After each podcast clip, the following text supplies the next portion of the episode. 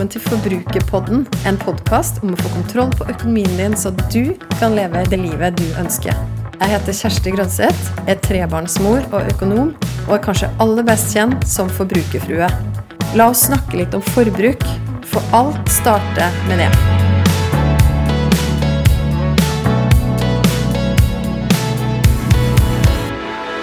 Instagram har etter hvert blitt et bra sted å komme for å fylle seg med kunnskap. Ja, generelt sosiale medier, fordi det er jo så utrolig mange som deler gode råd, og som vil inspirere oss med noe som de kan.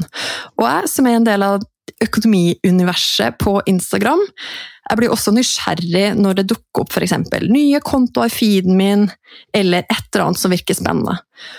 Og for en tid tilbake, jeg husker ikke helt når det var, så dukka det opp nettopp en, en, konto, en ny konto som kalte seg Pensjonsskolen. Og da ble jeg, ble jeg nysgjerrig. Fordi jeg er jo ingen ekspert på pensjon, sjøl om jeg har lært veldig mye om min egen pensjon de siste ja, si, hvert fall to åra. Men jeg ble nysgjerrig nok til at jeg tok kontakt med denne kontoen. og introduserte meg sjøl og spurte hei, hvem er dere som står bak Pensjonsskolen. Og da fikk jeg kontakt med de fine folka, kunnskapsrike folka som står bak den kontoen. Og i dag i Forbrukerpodden så er du som hører på, så heldig å få lov til å lytte inn på en samtale mellom meg og nettopp en av de som driver denne skolen. Så da vil jeg bare si velkommen i studio. Tusen takk. Veldig hyggelig å få være her. Du, Pensjonsskolen, det trigga jo min nysgjerrighet. Pensjon er jo et tema som har vært mye snakka om de siste åra i media.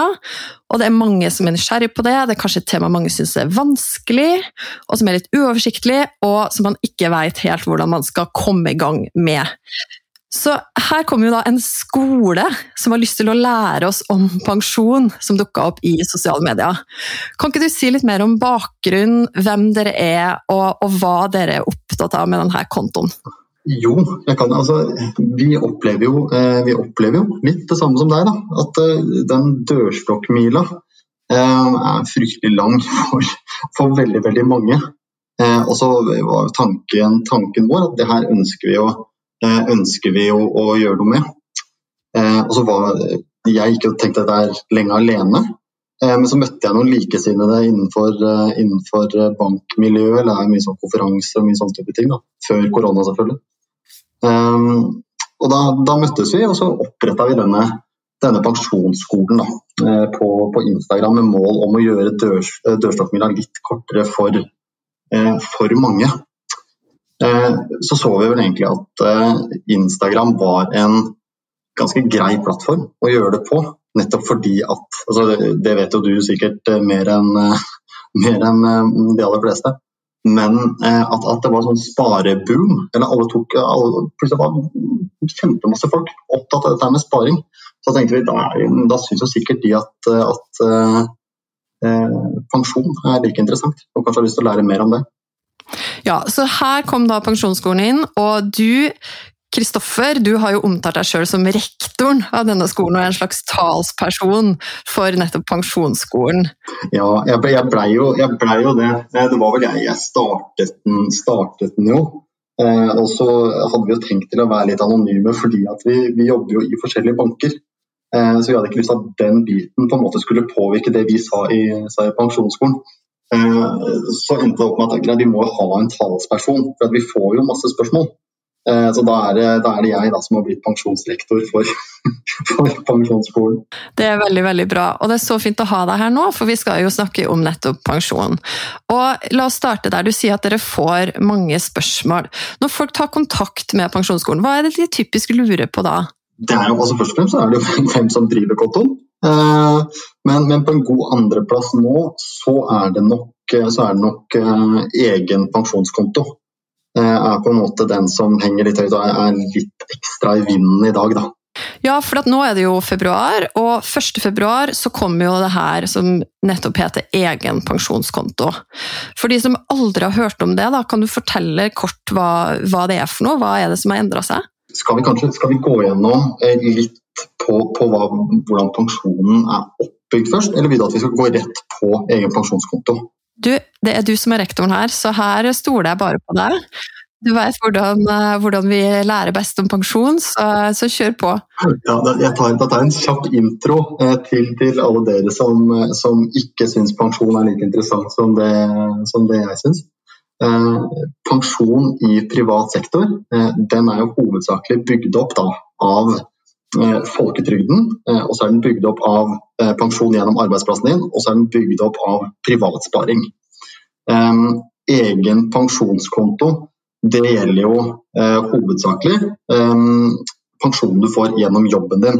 Og enda mer spesifikt så gjelder det de som har innskuddsordning gjennom, gjennom eh, eh arbeidsplassen. Ofte så har man veldig mange forskjellige eh, tidligere arbeidsgivere som man har spart opp pensjon ifra. Og det som egentlig skjer da, det er at man får noe som heter splitta pensjon. Um, denne pensjonskontoen, eller egne pensjonskontoen, sørger for å samle alle de tidligere avtalene dine, sånn at du får mer oversikt. Det er det korte svaret på det. Men Jeg tenker Vi kan jo vi kan kanskje gå litt mer i dybden på det, Kjersti. Ikke sant? Og du sier at samle alle avtalene fra da tidligere arbeidsgivere og nåværende arbeidsgiver for å få bedre oversikt. Så hva, hva er liksom den store fordelen med egen pensjonskonto, sånn som du ser det?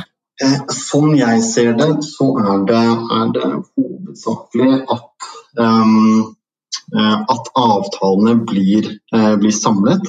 Man har jo, når man har innskuddspensjon, Eh, som er, som, er, ferdig. altså Hvis man har hatt en, en arbeidsgiver som har spart innskuddspensjon uh, for deg, og så slutter hos den arbeidsgiveren, så blir det noe som heter et pensjonskapitalbevis. Um, når man har masse forskjellige av disse pensjonskapitalbevisene rundt omkring i forskjellige banker, uh, så vil man jo betale sånn administrasjonsgebyr uh, årlig til bankene for å administrere disse avtalene. så si da, Hvis man har hatt, hatt fire-fem arbeidsgivere opp igjennom, og så har man fire-fem forskjellige avtaler, og så betaler du 400 kroner, for det er, det er faktisk en, en reell sum som man kan ende opp med å betale i året, eh, til bankene per avtale, så går det jo plutselig med eh, en ekstra 1600 kroner. Eh, kun i gebyr, som vil si at du får 1600 kroner mindre i pensjon eh, for hvert år som går, fordi at det blir trukket i gebyrer. Så eh, når egen pensjonskonto kommer og samler alle disse avtalene for deg, så vil du i prinsippet få 1600 kroner eh, ekstra i, i, eh, i, pensjon per år. Og så I tillegg så står jo disse i fond, så da vil jo de 1600 kronene i realiteten også bli bygget inn i fondet, eller i den summen. Så vil jo egentlig være mye, mye mer, da. Eh, det er jo i hvert fall den ene, ene store fordelen. Og den andre store fordelen Eh, vil jeg si er at du får et, et um, valget til å uh, få et bedre fondsutvalg. Ok, så bra. Egen pensjonskonto. Jeg har jo fått flere spørsmål om men hva, skjer, hva, hva skjedde egentlig, eller hva skjer 1.2? Er det noe man må foreta seg, eller vil du si at det her handler egentlig bare om at ja, nå har jeg fått samla pensjonen min, gå inn og sjekke hvordan det ser ut, kan alternativt bytte fond, hvis jeg ønsker det? Er det noe annet som man må gjøre knytta til det med egen pensjonskonto? Eh, hvis man ikke har eh, samlet disse pensjonskapitalbevisene sine tidligere, eh, så vil dette her etter min mening være utelukkende positivt for deg. Men fra 1.2 og helt fram til 30.4 så har du en reservasjonsperiode. Det vil jo si at i, i den perioden så kan da kan du faktisk reservere deg mot eh, eller fremskynde at pensjonskapitalbevis flyttes inn til egen pensjonskonto. Eh, at, og Det kan man jo gjøre da, i, i, reservasjonsløsningen til norskpensjon.no. Så at, Den løsningen vil jo også bli tilgjengelig da, fra 1.2. Sånn at for de som, de som ønsker å, å eh, beholde pensjonskapitalbevis eh, i den banken de er i nå, Eh, mens de har en, en egen pensjonskonto et annet sted, f.eks., eller bare rett og slett ha det splittet av, av ulike årsaker, eh, så eh, kan dere godt gå inn på norskpensjon.no og, og reservere det. Men ha gjerne en, en, god grunn til det. Altså, da er det fordi at du har en ekstra tilhørighet til banken din, eller ønsker å, å, ha et fond i, eh, som, som, en av bankene tilbyr, som den andre banken ikke tilbyr. Eh, ikke gjør det fordi at du er skeptisk, for det vil nok koste deg det koster deg noen kroner hvis den sparehorisonten din er lang. altså. Bra. Og så vet jeg også at uh, Finansportalen nå fra 1.2 vil også ha en sånn sammenligning av ulike leverandører. Sånn at man kan gå inn der og si at man bare er opptatt av å finne en forvalter da, som, er, uh, som, har lavest mulig administrasjonsgebyr, for nettopp å få mest mulig igjen for pensjonen sin. Så kan man også gå inn der og sammenligne, hvis man ikke har noen annen tanke om grunnen til at man velger den ene eller den andre. Mm. Mm, absolutt. Det er kjempe, kjempelurt å, å bruke Finansportalen. Bra. Da har vi snakka om egen pensjonskonto og fått litt sånn ok, vi kan senke skuldrene. Dette vil være en fordel for de av oss dette treffer. Og rådet fra Kristoffer da, sjekk litt norsk pensjon og hør med arbeidsgiveren din. Og her er vi jo litt inne på det som kanskje er viktig noe av det som er viktig, og jeg vet dere er opptatt av det òg, når det gjelder det med pensjon, at det er jo en jobb som hver enkelt av oss må gjøre her for nettopp å, å forstå det og få en oversikt. Og du var inne på at man har, kommer jo til å få når man går av med pensjon, pensjon fra folketrygden, fra arbeidsgivere, også det med privat sparing. Og så vet jeg at du ofte får spørsmål om hvor mye trenger jeg å spare i pensjon? Hva pleide du å svare da? Da svarer jeg du, det veit jeg ikke. det, det, er så, det, er så, individuelt. Eh, men, men, det man anslår, eh, det er jo 70-80% av din nåværende inntekt. Eh, man kan, hvis man kan ligge på mellom 70-80% av nåværende inntekt de 10-13 første årene etter at man pensjoneres, så burde man, altså da bør man være innafor. Det er den perioden hvor man holder seg, altså man er relativt aktiv. og det er ikke, Helsa har ikke begynt å skrante, skrante så mye. Eh, det er selvfølgelig også, også individuelt. Eh, men, men det, det, jeg opplever at mange ikke tenker på i den sammenhengen, og det er helt greit at, at man ikke har et, har et, forhold til det. Det er kjempevanskelig å bli en ekspert på, på noe man bare gjør én gang. Men eh, man lever jo mye lenger enn før. Sånn at eh, hvis du sier at du skal pensjonere deg eh, når du er 62 år, som er veldig vanlig for mange, i hvert fall de som har litt, litt harde fysiske yrker, eh, og så skal du leve til du er 90, eh, så er du jo faktisk da er du pensjonist en tredjedel av livet ditt. Altså, det er en tredjedel hvor du har en redusert inntekt. Du har, du har jo ganske mye fritid. Eh, det var valget eh, å ha mye fritid. Eh, og, det er jo egentlig ingen annen livsfase man må spare mer til. Men som, samtidig, altså, vi opplever egentlig at den er litt, litt nedprioritert. Og der kommer jo inn det som Du var jo inne på det helt i starten, og folk synes jo ofte at det her er litt sånn kjedelig tema, og ofte fordi man tenker at åh, oh, men, men, hvorfor skal jeg spare og sette av penger nå til en eller annen periode som kommer, og livsfase som kommer der framme, når jeg også f.eks. nå er i etableringsfasen og har masse utgifter, og jeg vil jo leve, ikke sant, og så har jeg kanskje drømmer jeg ønsker å spare til, og så og så kjennes det litt sånn at det er tungt å skulle sette av masse penger nå, begrense seg i dag, for å spare til en eller annen periode der framme som er litt uoversiktlig. Altså, det er akkurat det. Um, pensjon for de aller fleste det, altså Hvis vi skal være helt ærlige, så er det kjempekjedelig. Du sparer jo ikke til Man sparer jo ikke til noe konkret. Det det som jeg har sagt, sagt til deg før, at eh, hvis, hvis aksjer på en måte er Eh, det er kjempegøy, og det, det, kan, måte, det sammenligner litt som en sånn kinaputt. Kjempesmell, og det går litt sånn fort. Eh, så er på en måte pensjon det er risengrynsgrøt. det er, og det er risengrynsgrøt uten noen ting på. Det er kjempekjedelig, altså litt monotont. Um, så, sånn at det, det, det, det, kan jo være litt vanskelig for folk å, å, å, få fatt på hva er det jeg egentlig sparer til. For det er jo ikke så veldig, et veldig konkret sparemål uh, å spare til pensjon. Man vet jo liksom ikke. Og så er det alltid veldig langt framme, opplever vi. Um, enten, enten, man tar, enten, man tar, kontakt når man er 45 eh, eller, eller 25, så er det alltid ja, det er jo, jeg, har, jeg har alltid andre ting jeg heller vil spare til akkurat nå. Og det er helt greit. altså Spesielt dere som er i etableringsfasen. Det er ikke sikkert at dere skal trenge å spare til pensjon akkurat nå. At, at det kanskje kan heller være lurere å, å spare til bolig eller eh, ja, kanskje betale med gjeld. Kan være en, kan være en idé. Og, men så vet jeg jo at mange, når de begynner å sette seg litt inn i temaet pensjon, da, så, så, starter, så, så, pleier vi ofte å si at start med å få oversikt. Og da er det jo sånn at du kan gå inn på f.eks. Nav, din pensjon. De har en kalkulator hvor du kan regne på hva du kommer til å få, både fra folketrygden og fra arbeidsgiver. Og så vet jeg at Hvis man jobber i staten, så kan man gjøre det samme i Statens pensjonskasse.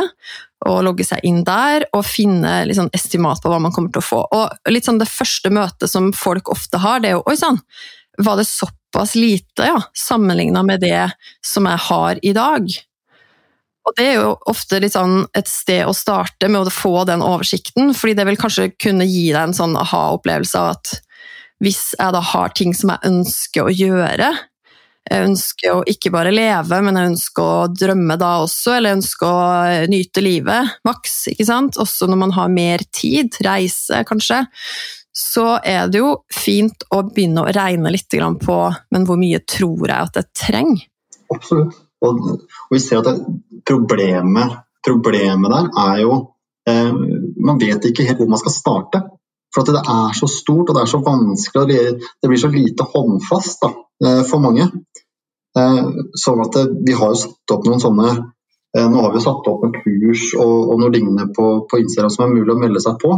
Eh, men, men de, de liksom største tipsene våre der, hvis du syns det er fryktelig vanskelig og du merker at dette, dette gidder jeg ikke å sette meg helt inn i akkurat nå, eh, så sørg, i hvert fall, sørg for at du har justert aksjeandelen eh, på sparingen din. Altså, husk at det er veldig veldig lang sparehorisont der. Sånn at du kan faktisk ha ganske høy aksjeandel. Og det er forsvarlig. for det, det vil jo svinge mer, selvfølgelig. Men det vil bli mer, mye mindre dramatisk over tid, de svingningene. Uh, og så kan det jo være lurt da, å, å, begynne å spare tidlig. Altså, et lite, Dette er det mange mange som har kjent på, men et lite beløp det blir jo relativt stort når sparehorisonten er såpass lang. Det tror jeg det er mange som glemmer litt. Og det der med, som du snakker om nå, du er inne på med å justere opp risikoen. Hvordan, hvordan gjør man det? Konkret så, så, nå blir det jo enda enklere med egen pensjonskonto. Uh, men da går du inn på, på um, banken din sine sider. Eh, hvis du er usikker på hvor du har, har pensjonen din, så går du inn på norskpensjon.no først. Da vil du se det. Eh, så går du inn på banken, og da vil, du, eh, da vil du kunne logge deg og så vil du kunne se innskuddsordningen din, eller egen pensjonskonto. Så går du inn der på fondsvalg, og da vil du kunne se hvilket fondsvalg du har. Og da kan det jo være greit, da, hvis, du har, hvis du har en lang sparehorisont, å og kunne justere opp aksjeandelen litt. For da må vi huske at risikoen eh, det er, et, det er jo forbundet med et ganske negativt ord. Men når det kommer til fond, så, må, så er risiko Det ligger jo både på, på undersiden og på oversiden. Eh, så det, I den forstand her så er det jo faktisk noe som heter positiv risiko. At du, du kan tjene penger over lang tid. Og, og Historiske tall viser jo at det, det gjør man jo også eh, når man justerer opp aksjeandelen, selv om det ikke er noe, er noe, garanti for morgendagen. Eh, så har det faktisk vist seg å være lurt, da. Ja, og hvor, hvor, lenge, hvor, lenge, tenker du at man kan ha en sånn offensiv profil eller en høy risiko med høy aksjeandel på pensjonssparingen sin? Eh, jeg tenker Altså, den har jo blitt, den har jo blitt pusha lenger og lenger fram i og med at vi lever lenger. Eh, og folk er lenger i jobb og sånn. Eh, tidligere så, så, anbefalte man å begynne å nedjustere aksjeandelen fra man var ca. 45. Nå ser jeg at de aller fleste bankene opererer med, med 55. Um, eh, så at fram til 55 så kan du ha en ganske høy risiko hvis du planlegger å, å pensjonere deg når du er 62. Men eh, det, det, dette går egentlig litt sånn hånd i hånd med med vårt, egentlig, vårt neste tips. Eh, og det er at man skal egentlig ikke ta fasiten til en kollega eller en onkel over middagsbordet eller lunsjbordet. Eh, fordi pensjon eh, og sparing og holdning til risiko, eh, den er individuell. Sånn at hvis du, hvis du nå har hørt på en, på en podkast at jeg hørte at man skulle skru, skru risikoen helt til topps når man skal, når man skal ha sparehorisont over fem år, men jeg har ikke sovet jeg, på to måneder etter at jeg har, har justert meg da er ikke dette her for deg. Da er det, greit, det er greit at du kan, at du kan justere den litt ned. Eh, ha en balansert profil, ligge litt sånn midt imellom. Men eh, vit i hvert fall hva som er anbefalingen, og hva som, eh, rett og slett, hva som er liksom forsvarlig å gjøre. Jeg tenker jeg kan være en, en god start. da, hvert fall. Ja, og som du var inne på, altså Historisk så er det jo sånn at uh, over tid så har jo det lønt seg å ha pengene sine i aksjemarkedet heller enn å ha de i banken. Og det blir jo litt samme her. altså Jo høyere aksjeandel, jo større risiko tar du jo. Men når tidsperspektivet er langt nok, så har det historisk sett vært høyere avkastning der. Så det er jo én ting også å vite det.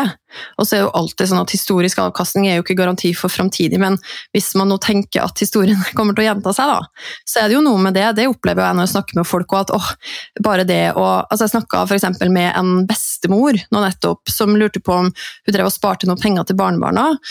Og så hadde hun de i banken på høyrentekonto, og så sa hun at åh, men så lurer jeg litt på det der med aksjefond, men jeg er litt skeptisk. Og da er det jo litt sånn steg én å, å finne ut av fakta, da.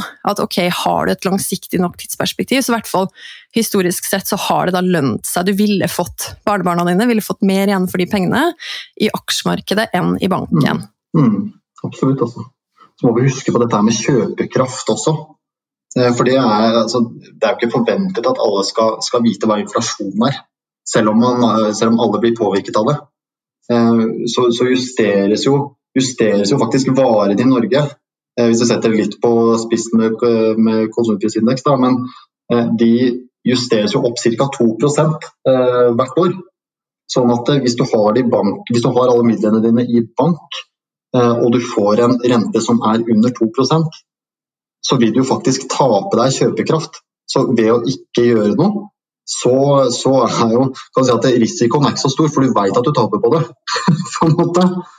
Eh, så, så, det er greit å vite, vite eh, litt av grunnen til at det også er anbefalt, da, tenker jeg. Og da er vi litt inne på også det med altså Det er jo mange som lurer på, veit jeg, det har jeg fått spørsmål om sjøl, når, de har bestemt seg eh, for å Ok, nå skal jeg komme i gang med pensjonssparing, men, men hva, hvor starter jeg da? Og da snakker vi om den private sparingen, da. Da ofte lurer folk på hva er egentlig forskjellen på fondssparing og pensjonssparing? Der eh, er vel egentlig det enkle svaret at det er jo ikke noe, det er jo ikke noe eh, forskjell på pensjonssparing og på men annet enn kanskje den tidshorisonten. Du skal jo spare, spare mye lenger.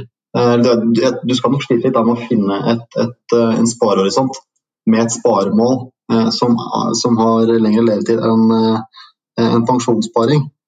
Men i tillegg til dette her, så, så har man jo litt sånn konkrete avtaler knytta til pensjonssparing. Uh, hvor for, altså Den som er mest kjent, da, det, vil være, det vil nok være IPS. Og Hva står det for igjen? Det står for individuell pensjonssparing. Og det er jo litt sånn ja, hva, hva, hva synes, Det er litt interessant å spørre deg om også, egentlig. Uh, hva, hva syns du om IPS? Du, jeg har jo valgt å spare til pensjon i egentlig bare vanlig fond, for min del. Altså at jeg sparer på egen hånd og ikke valgt IPS, fordi IPS, da har man jo bundet Da må man jo binde de pengene opp til nettopp pensjon, altså til man er 62 år. Det er jo først, da man kan ta ut de pengene. Så jeg har jo tenkt sånn at ok, jeg har større fleksibilitet på de pengene jeg da investerer i et vanlig aksjefond, enn det jeg ville investert i IPS. Men så er det jo egentlig hele tiden noe å vurdere, for det har jo noen fordeler. Det er mye pess. Altså hvis man sier at den største ulempen kanskje er jo at man må låse pengene da, til man er 62, så har det jo noen fordeler, og det er jo blant annet man, man får jo skattefordeler av det. som eller, ja, det som Det her er jo du eksperten på, men det som man kaller en utsatt skatt. Fordi at du, du får skattefordel av de pengene som du sparer i IPS i år, får du igjen på neste års skattemelding. Men det er jo, du må likevel skatte av de pengene når du begynner å ta de ut. da. Men hvis jeg tar da den skattefordelen som jeg har fått, det beløpet jeg har fått tilbake på skatten, og investerer det igjen, så har jeg hørt også noen forklart at det er jo som da du ville fått et rentefritt lån fra staten, egentlig. Så da vil det jo kunne lønne seg, da vil jeg kunne få maks ut av den ordningen, egentlig. Men, men jeg vil høre hva du syns. Ja, altså jeg sparer jo personlig ikke i IPS. Um, det, er, det, er, jo litt sånn at det, eh, man kan spare maks 40 000 i IPS uh, i året. Um, og så er det som du sier, at så kan man tidligst starte å ta ut pengene når man er 62. Um, det, det, fungerer litt som innskuddspensjonen på en måte, i og med at utbetalingstiden skal være på minimum ti år. Uh, og at utbetalingen skal jo egentlig vare til man er minst 80 år. Uh, jeg, det, det, en ting er at det, som du sier, at den er låst. og det er, eh, Om vaskemaskinen skulle bryte ned eller bilen skulle eksplodere, så får du på en måte ikke fiksa det. Eh, men du får heller ikke styrt utbetalings, eh, utbetalingssummen i så stor grad som det i hvert fall jeg skulle ønske at man kunne. I og med at det er satt litt sånn her Den skal vare så og så lenge. Årlig utbetaling. Det skal være minimum 20% av folketrygdens grunnbeløp. Og er den mindre, hvis det ikke er så, så, mye på den, så blir den komprimert. Så det er, det er mye sånne uh, småting med den som jeg personlig ikke er så fan av. Uh, men for, for uh, i og med at man får mer krone for krone når man sparer, for det gjør man jo pga. skattefradraget, um, og hvis man er litt usikker på uh, om man klarer å la de pengene stå, om de begynner å brenne litt på konto.